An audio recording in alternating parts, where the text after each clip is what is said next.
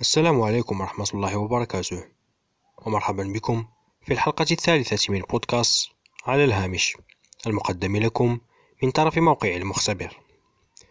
موضوع الحلقة وعنوانها طرق, طرق الربح التي يمكن لصانع المحتوى العربي اعتمادها. ونبشركم بأننا سنعمل على رفع الحلقة على منصة اليوتيوب أيضا لإيصالها لجمهور أكبر. رب اشرح لي صدري ويسر لي أمري واحلل عقدة من لساني يفقه قولي. على بركة الله نبدأ. سيكون انتقاصا من قيمة الموضوع وأهميته وسوءا لمعالجته أن ننتقل مباشرة للتفصيل في هذه الطرق. وسيكون ظلما لكل لكم أن نطيل في الحديث دون فائدة. لذلك سنعتمد أسلوبا وهيكلا بسيطا للحلقة. يبدأ من المفاهيم الشاملة المتعلقة بالموضوع لينتهي إلى تقديم جواب واضح تفصيله ما سيسبقه من معلومات وتأسيسات مفاهيمية والبداية ستكون مع أول سؤال ما معنى الربح؟ وكيف يمكن تحصيله؟ الربح بشكل عام هو ما يحصله الشخص بعد خصمه التكاليف من الإيرادات إلا أننا سنستخدم المصطلح للدلالة, للدلالة على المداخيل المالية حتى قبل خصم التكاليف منها من باب التسهيل والتبسيط. إما أن يأتي الربح من الجمهور أو من الراغب في الوصول إلى الجمهور أو منهما معا مقابل سد حاجة معينة. ولنفصل في الأمر نحتاج أن نفهم المبدأ أولا. فالربح الذي الذي نتحدث عنه لن يأتي من فراغ. لابد أن يخرج من جيب كي يدخل إلى الخاص بصانع المحتوى. وكي يحدث ذلك لابد أن يقدم هذا الأخير ما يمكن من حدوث العملية. أي أن يقدم ما يستحق أن يخرج فلس للاستفادة منه.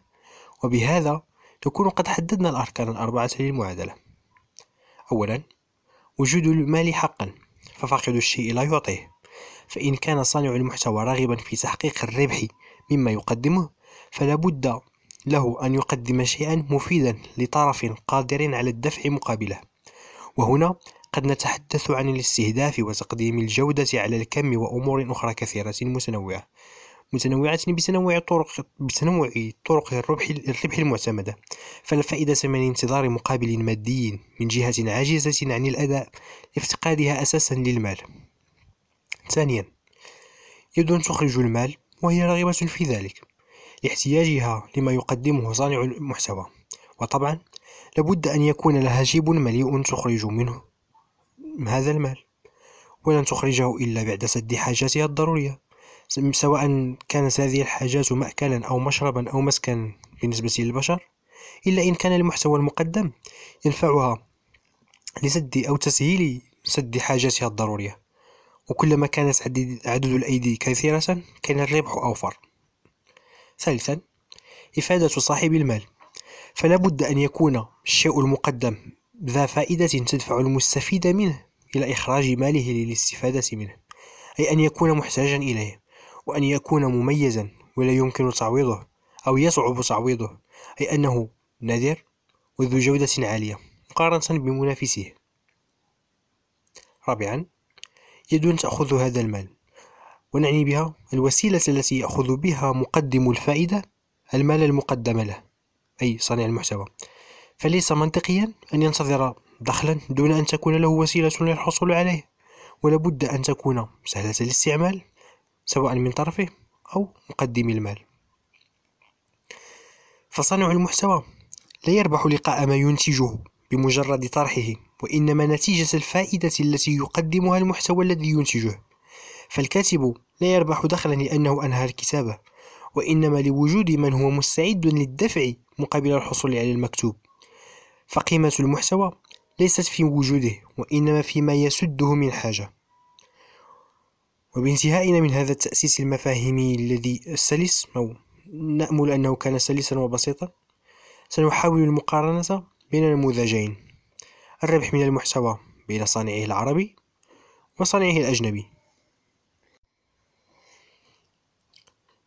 نعرف أن الفرق واضح ولا يحتاج إلى تذكير به إلا أن تأمله فيه منفعة لأولي الألباب.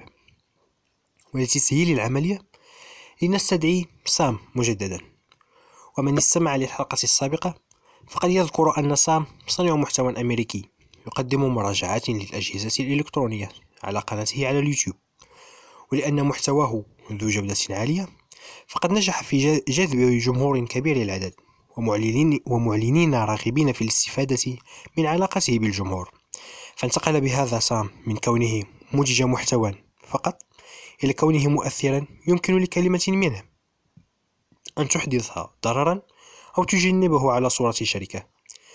وإلى جانب معمله هذا يبيع منتجاته وكتابه عبر متجره الإلكتروني.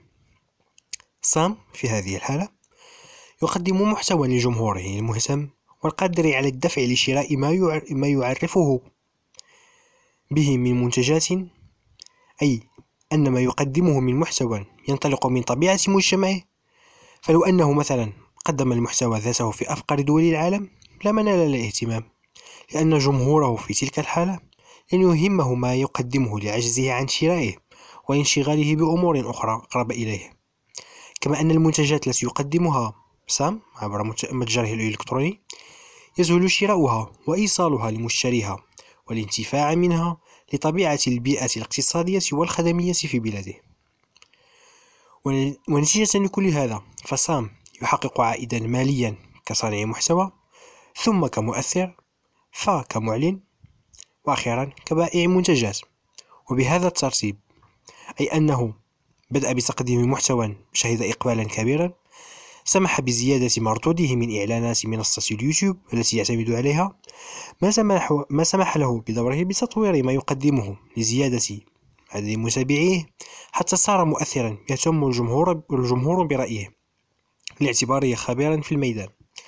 لترى فيه الشركات الشركات الشخص المناسب لتقديم منتجاتها للعالم فأصبح مستفيدا من دعمها بشكل مباشر أو غير مباشر. دون التعويل على مردود المنصة سلفة الذكر أي اليوتيوب.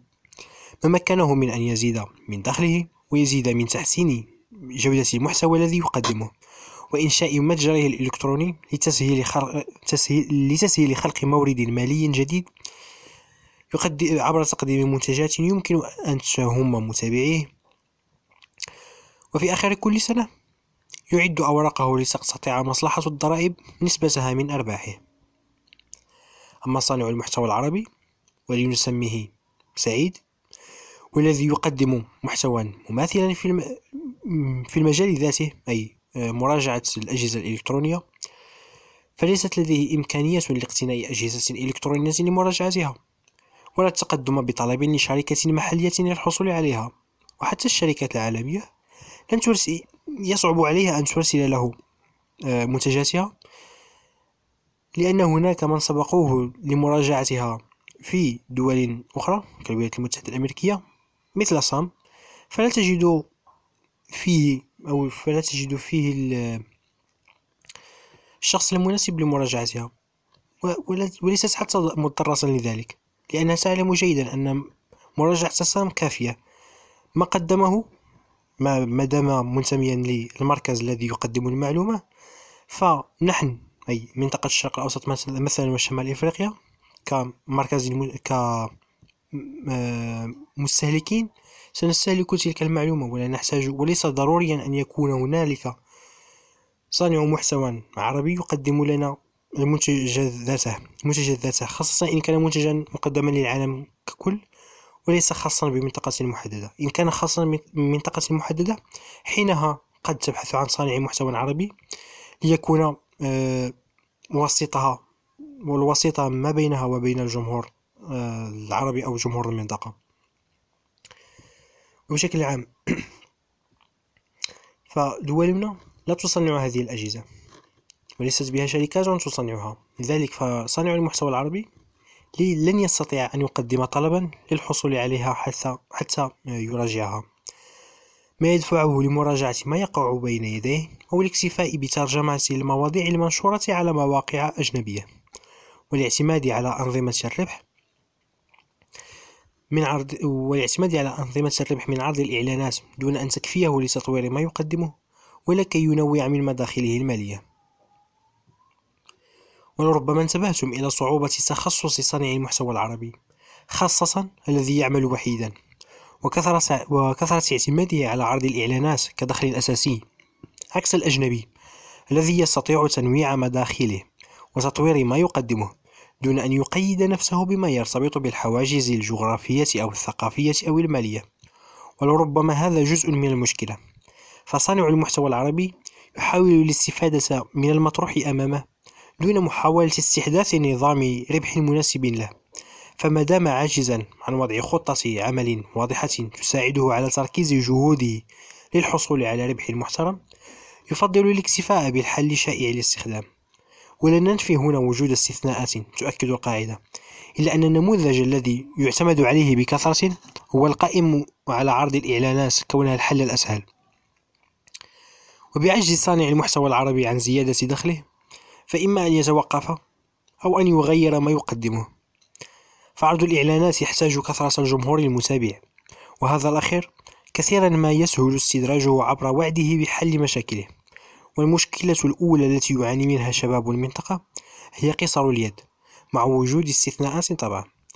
فيصير كل ما يرتبط بالربح من الإنترنت أو تقديم خدمات مجانية كالوليمة للجياع يجتمعون عليها مسرعين وهنا تبدو فرصة الشركات الإعلانية لاستغلال كثرتهم. ومن المؤسف أن شيوع هذا الفعل ساهم في, في زيادة القائمين به والذين قد لا يترفعون عن عرض التفاهة طمعا في تحصيل دولارات ولو كانت قليلة. فقد فهموا أن كثرة الجمهور تعني كثرة الربح أو على الأقل كثرة المردود.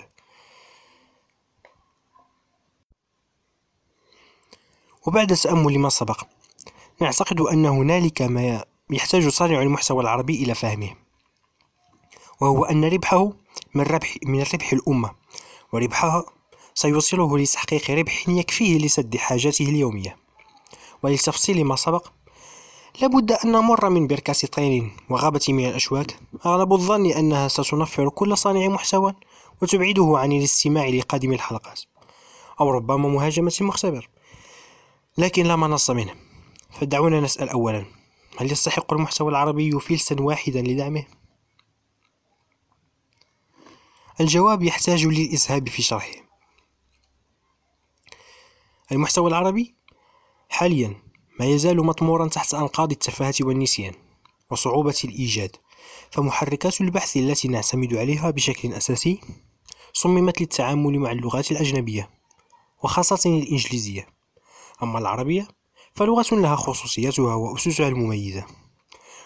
ولن يفرق محرك البحث بين أكل وأكل لأنه لم يصمم لذلك. وفي غياب محرك بحث متخصص وإن كان هناك وإن كانت هناك محاولات لعل أبرزها محرك البحث لبلب اللبلب مثلا. والذي سبق أن نشرنا عنه موضوعا على موقع المختبر.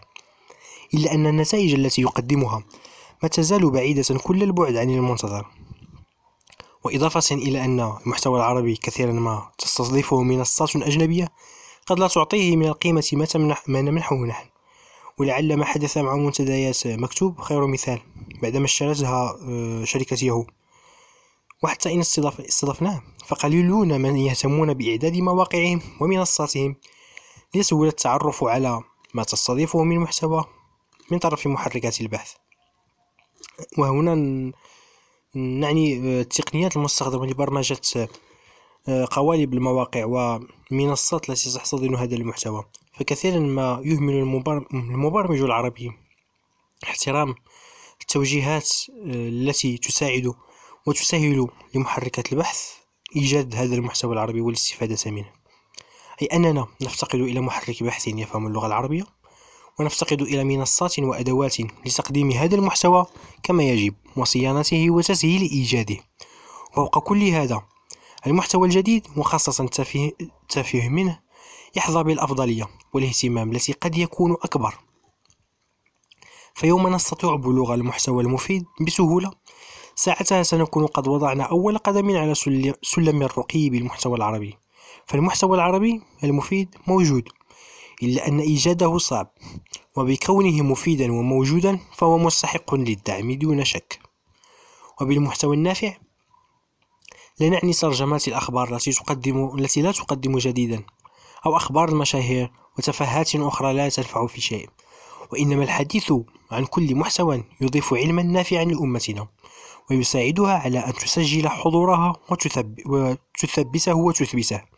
فالحديث هنا عن ترجمات مواضيع مهمة في ميادين تحتاجها الأمة لنهوضها أو تعريف بما تزخر به من كنوز معرفية ومقومات يمكن استغلالها لصنع الأساس المحتاج لأية نهضة حضارية. ونحن هنا لا ننتقص من أهمية ترجمة الأخبار الأجنبية إلا أننا نعتبرها مهمة تختص بها المواقع الإخبارية أساسا. أما المدونات والمواقع التقنية وما شابهها فتخصصها مختلف. ما دامت لا تقدم نفسها كمواقع إخبارية ولا تملك الأدوات اللازمة والموارد البشرية لتحري صحة الأخبار ومتابعتها. فالأحسن لها أن تغير من استراتيجيتها ومن طبيعة المحتوى التي تقدمه أو تزعم أنها تقدمه. ربما منكم من بدأ في التفكير في إيقاف الحلقة لاعتقاده أننا قد خلطنا المواضيع لكن هذا ليس صحيحا. فالربح من المحتوى العربي ونهضة أمتنا مترابطان. فتقديم محتوى ذي جودة عالية سيوقظ العقول النائمة ويرفع من مستوى انتظارات الجمهور أو الجماهير التي ستعرف بقيمة ما يقدم لها. وباستغلالها أو باستغلاله أي هذا المحتوى النافع يمكنها أن تفتح لنفسها أبواب الرزق التي ستسهل ربط الجسور وتسهيل, وتسهيل انتقال رؤوس الأموال بين دولنا لدعم من يستحقون ذلك. فربح صانع المحتوى من ربح الأمة. فأمة تستهلك التفاهة لن تنتج, لن تنتج إلا مثلها والعكس صحيح. والأمة الأمة التي ألفت المحتوى التافه لن تعطي القيمة القيمة حقه خاصة وأن الإنترنت أصبح مهربا لشباب الأمة ومقصدا لهم ومنهم من يتخذه أهم مصادره للتعلم وتلقي المعلومة. فلكم أن تتخيلوا لو أن صانع المحتوى العربي وجه جهوده لتقديم المفيد فقط وانتفع بما قدمه شباب لإنشاء مشاريعهم الخاصة أو تعلم مهارات تدر عليهم دخلا يساعدون به أسرهم هؤلاء هل سينظرون لمن غير حياتهم كما سينظرون لمن يطلعهم على جديد مغنية أو رياضي؟ بالطبع لا فتقديم المحتوى المفيد سيخرج الأمة من استهلاك التفاهة للانتفاع بما يقدمه أبناؤها وبتعويلها عليه ستنتقل إلى دعمهم سواء ماديا أو عن طريق سن قوانين تسهل عليهم عملهم. فالأمران مترابطان. وكل منهما له علاقة سببية بالآخر. وهذا مربط الفرس. فإن تمنى صانع المحتوى العربي أن يأخذ مقابلا مناسبا عن مجهوده فلا بد له أن يقدم محتوى نافعا ذا جودة عالية. وعلى مقدمي المحتوى العربي التافه أن يعدل أن يعدلوا حساباتهم ويغيروها ويفهموا أن لديهم الفرصة للمساهمة في صنع جيل يسمو بهذه الأمة دون أن ينسى فضلهم لكن هل هذا كل شيء؟ ينتج صانع المحتوى العربي محتوى جيدا ثم ينتظر أن تقذفه الجماهير بالذهب؟ بالطبع لا فهذه البداية فقط فبتقديم المحتوى عالي الجودة ونقل جهود الترجمة مثلا من نقل آخر أخبار الفنانات الفنانة فلانة أو ترجمة خبر خبر طرح هاتف جديد ذي قدرة على الطفو في الهواء مثلا أو شيء من هذا القبيل. من الانتقال لهذا الوضع إلى ترجمة مواضيع أهم لا تخرج عن دائرة تخصص المترجم وتقديم محتوى منها يحاول التفصيل والتبسيط المعرفة. فسنكون أقرب للهدف المنشود. ولنأخذ مثلا معرض الهواتف الدولي في برشلونة والذي انتهى قبل أيام قليلة فقط والذي ينقل أطواره الكثير من صناع المحتوى العربي. ما الجديد الذي أفادونا به؟ كثير منهم ينتقل بين العارضين ويلتقط الصور مع ما تقدمه أو يصور مقاطع مرئية مرئية يظهر فيها. ثم لا شيء لا يفصل في التقنيات التي يتميز بها أي جهاز ولا في تطبيقاتها العملية. في موقع المختبر مثلا رغم عجزنا عن زيارة هذا المعرض سلف الذكر إلا أننا نعمل على فهم التقنيات الجديدة والمفيدة التي طرحت خلاله لنقدمها للقارئ العربي. لعله ينتفع بها. وأول موضوع من هذه النوعية كان عن طريقة عمل قارئ البصمة الصوتي والذي أتبعناه بآخر عن طريق عمل قارئ بصمة الأوعية الدموية. وهذا ولا يتجاوز عدد العاملين في المختبر عدد أصابع اليد الواحدة. ولا أحد منهم درس في مجال متصل بالتقنية. فما عذر المواقع التي توظف عشرات الأشخاص المتخصصين دون أن تقدم موضوعا مفيدا. وحتى المواقع والمدونات الناشئة والتي تعتمد على ترجمة الأخبار بشكل رئيسي فأية إفادة تقدم؟ أكثرها إنتاجا يوم تتوقف سيجد جمهورها غيرها ليتبعها. فالبدائل كثيرة ولو أن القائمين عليها حاولوا إضافة قيمة مضافة مضافة للمحتوى الذي يشاركونه لكان أفضل لهم ولمتابعيهم. وهذا ما ننشده ونأمل أن يحدث مستقبلا إن شاء الله. ومن الضروري لصانع المحتوى العربي أن يعي, أه... أن يعي أهمية تقديمه محتوى مفيدا. ولا ينظر لما ينشره من زاوية الربح المادي فقط وإنما كفرصة للنهوض بأمته أيضا. وفي انتظار ذلك لا يفوتنا أن نتساءل. لماذا يركز صانع المحتوى العربي؟ على عرض الإعلانات كمصدر أساسي للربح؟ واقترابا من مشاركتكم طرقا يمكن لصانع المحتوى العربي أن يربح منها دخلا ماديا فلابد فلابد أن نشير إلى أن لكل منطقة خصوصيتها وقدرات أهلها الشرائية. وهي العامل الرئيسي المتحكم في مقدار الربح الذي سيحصل عليه صانع المحتوى في الظروف الراهنة. وربما لذلك يكون التركيز على عرض الإعلانات. للعلم بأن الربح منها أسهل. فالذي يدفع مقابل عرضها هي الشركات التي تخاطب الجمهور. وكلما رأت أنه أكبر في مكان وجهت أبواقها إليه. فهمها الكم لا الجودة مع وجود استثناءات طبعا. ولأن كثيرا من هذا الجمهور ينجر للتفاهة فدعمها بالإعلانات مفهوم لا مبرر ولا مقبول. وبما أن هذا الجمهور لن يدفع فلسا للاستفادة من هذه من هذا المحتوى التافه وكون الشركات من تدفع فصانع المحتوى يضمن دخلا تدفعه الشركات بفضل, بفضل كثرة الزيارات والمشاهدات والشركات تضمن وصول رسالتها لأكبر قدر ممكن من الأشخاص. فيكون الجمهور قد استمتع بما قرأه أو شاهده أو سمعه من محتوى مضيع للوقت. وفي النهاية يكون الثلاثي في حكم الرابح نظريا لا واقعيا وهو ما يخدم مصالحهم خاصة صانع المحتوى الذي سيجد ما يدفع به ثمن اتصاله بالإنترنت لإعداد محتوى آخر. يمكنه أن يجذب به جمهورا أكبر ومعه ستأتي شركات ستزداد الإعلانات التي يعرضها ودخله منها. فعرض الإعلانات يضمن عائدا ماديا مقابل العرض لا الفائدة التي يقدمها المحتوى الذي يصاحبه أو الذي تصاحبه. وعكس بيع المنتجات المادية مثلا أو الرقمية أو أي نشاط يتطلب استقبال المدفوعات أو إرسال الطلبيات فعرض الإعلانات سهل ولا يكلف فلسا واحدا لصانع المحتوى ويسهل, ويسهل البدء به وهو أمر قد يكون مفهوما خاصة إن كان ما يقدمه موجها لجمهور. موزع على دول متعددة بقوانين مختلفة لكن بلغة موحدة وربما بعد الإيديولوجيا موحدة أيضا. كثير منها لا تقبل وسائل الدفع الإلكترونية توفير خدماتها لساكنها مثل الباي بال مثلا مع مع الدول العربية. وحتى لو فعلت وكان مقابل الدعم للحصول على منتج ملموس فوسائل التوصيل مرتفعة الثمن. وحتى إن وصل إلى الجمارك فقد يحفظ في مخازنها. تحت ذريعة منع دخول دخوله لما قد يتسبب به من ضرر على الأمن على أمن الدولة أو الأمن القومي. أي أن صانع المحتوى العربي يبقى مقيدا ولا يجد إمكانية لتطوير ما يقدمه وبالتالي يبقى معتمدا على عرض الإعلانات فقط.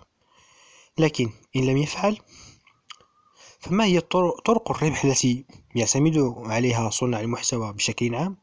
ويمكنه دراسة اعتماد إحداها. من الضروري أن نعيد التذكير بأن صناعة المحتوى ليست المدرسة للدخل وإنما ما يفعل بهذا المحتوى وكيفية تحويله إلى قيمة يدفع المال للاستفادة منها.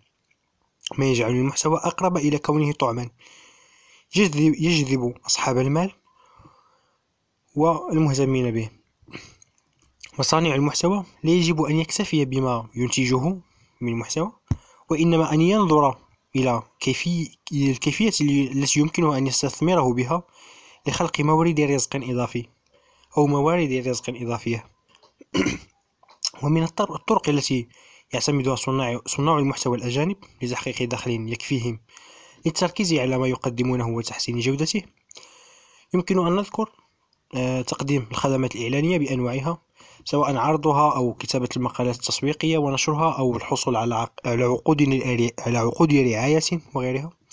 هناك بيع المنتجات الرقمية من كتب ودورات تعليمية أو صوتيات أو قوالب آه، المواقع أو مدونات أو صور آه، إلى ما هنالك. هناك أيضا بيع المنتجات المادية مثل الأقمصة آه، مثل الأقمصة والأكواب وأكواب القهوة والكتب الورق الورقية والكثير وغيرها من المنتجات الملموسة.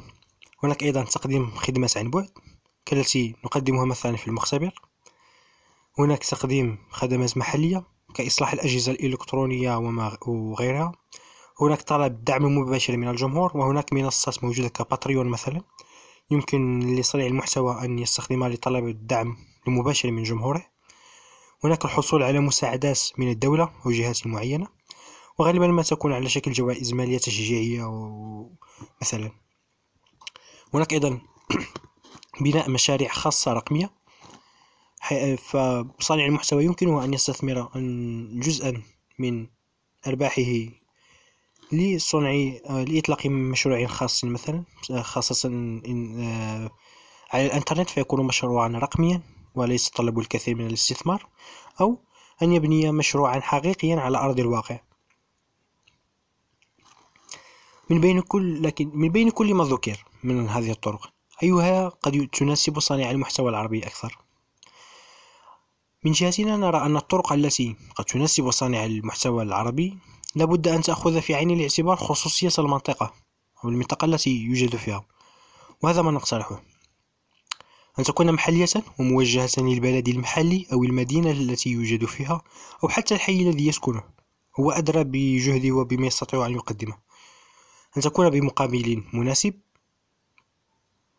آه، مناسب آه، للقدرة الشرائية لأهل المنطقة المستهدفة وأن تقدم إفادة وتسد حاجة حقيقية. كأن يركز مثلا صانع المحتوى العربي على تقديم محتوى موجه لمحيطه القريب كمدينته أو دولته فقط ويحاول أن يطور من الخدمات التي يوفرها حتى تناسب خصوصيات منطقته. سواء الخدمات أو المنتجات. كأن يكون تخصصه نشر محتوى عن الطبخ مثلا ويربطه بمتجر إلكتروني لبيع الأكلات المنزلية وإيصالها لأحياء قريبة منه أو أن يكتب في التقنية وكيفية إصلاح الأجهزة الإلكترونية فيقدم خدماته لمن يتواصل معه من أبناء مدينته مثلا. فكل طرق الربح التي ذكرناها سابقا يمكن لصانع المحتوى العربي أن يعتمدها إلا أنه سيضطر إلى تخصيصها لتناسب خصوصيات منطقتنا وخصوصيات كل بلد ومدينة على حدة. إضافة إلى أنه إن فعل هذا عندما يتعلق الأمر بالتوصل بربحه فسيكون فتكون الوسيلة الوسائل المستخدمة أبسط وأسهل. حد يمكن أن تكون من, بي من بين حتى التوصل بالمال بشكل مباشر. وهنا لن يضطر أو لن يكون تحت رحمتي. شركات الشركات التي تقدم الخدمات المالية عن بعد مثل الباي بال لكن يجب أن يتوقف صانع المحتوى العربي يجب أن لا يتوقف صانع المحتوى العربي عند هذا الحد وإنما أن يفكر في المستقبل فعليه أن يتساءل دائما إن نجح في تحقيق ربح كاف ما التالي؟ ما الذي سيفعله تاليا؟ هل سيكتفي به؟ نصيحتنا آه، لصانع المحتوى العربي. أن عليه أن يفهم أن هنالك ثلاث مراحل لابد أن يمر بها ولا يتوقف عندها عند أي منها إلا مضطرا أو مختارا. وهي مرحلة صنع المحتوى وتثبيت وجوده في الويب العربي عبر تقديمه كمشروع مثلا وإن كان على شكل مدونة أو موقع بسيط. المرحلة الثانية هي مرحلة جعله مكتفيا وقادرا على الإتيان بربح يغطي نفقاته. وهنا يمكنه أن يعتمد على وسيلة من وسائل الربح التي ذكرناها سابقا. المهم أن تأتي أن يأتيه في آخر السنة بما يكفيه لتغطية مصاريف آه، الإبقاء على هذا المحتوى أو الموقع أو المشروع موجودا على الإنترنت. ولا يضطر أن يخرج من جيبه الخاص. شيئا لسد أي خصاص موجود. وأخيرا المرحلة الثالثة وهي مرحلة استثمار الربح الزائد أو ال... بعدما يغطي نفقات موقعه ما يبقى له من ربح يمكنه أن يستثمره لصنع مصدر ربح جديد. وإن كان على شكل مشروع جديد مثلا أو الاستثمار, الاستثمار في المشاريع الناشئة أو الموجودة فعلا. المهم أن عليه أن ينتقل من مرحلة الاكتفاء بصنع المحتوى إلى مرحلة يكون فيها مستثمرا في لتطوير المحتوى العربي. وختاما يتذكر صانع المحتوى العربي أن ما سيحصل عليه كدخل سيكون مقيدا بالقدرات الشرائية لأهل المنطقة وشركاتها فإن رغب في الحصول على ربح أكبر فالحل في تقديم خدماته ومنتجاته ومحتواه للسوق الدولية. ولو أن صانعي المحتوى في منطقتنا نجحوا في صنع مركز محلي لسهل عليهم إيجاد مهتم بجديدهم في دول أخرى. كأن تستعرض المواقع الإخبارية التقنية التقنية الأجنبية أخبار شركاتنا التقنية أو أن نصدر مفاهيمنا وتصوراتنا للعالم ينتفع بها. ما سيفرض الاعتماد على أبنائنا لتوصيلها والتفصيل فيها. ذكرت هذه النقطة في الحلقة السابقة لمن أراد أن يعود للاستماع إليها وأعيدها في هذه أيضا. فمن الضروري أن نؤسس مركزنا الخاص والذي يستمد منه صناع المحتوى العربي أفكارهم ويهتمون بالتعريف به والدفاع عنه. لا ليكون منافسا للمركز الأمريكي مثلا الذي يصدر لبقية العالم المعلومات وتصوراته ولمزاحمة الصيني أو الإفريقي. اللذين بدأ آه، بالظهور وفرض نفسيهما. وإنما ليعرف العالم بوجودنا وكي نترك للأجيال القادمة ما يبنون عليه وينتفعون به. كانت هذه حلقة لهذا اليوم. نأمل أنها كانت مفيدة ونذكركم بأن بأننا سنحاول أن ننشر موضوعا مرافقا لها على, مدو... على مدونتنا أي على موقع المختبر. www.المختبر.com وهي مختبر بكسر الباء أو بال E B S E R dot com وتبقى أذاننا مصغية واهتمامنا حاضرا للإفادة من تعليقاتكم وتشجيعاتكم وانتقاداتكم واقتراحاتكم. فلا تبخلوا علينا بأي منها. واعتذر منكم إن كان صوتي أبح وأسرعت في مقاطع معينة. إن إلا أن المرض مازال يكاد يهزمني لكنني أحاول. أه، وعلى كل حال سبحانك اللهم وبحمدك أشهد أن لا إله إلا أنت أستغفرك وأتوب إليك. شكرا على المتابعة والسلام عليكم ورحمة الله وبركاته.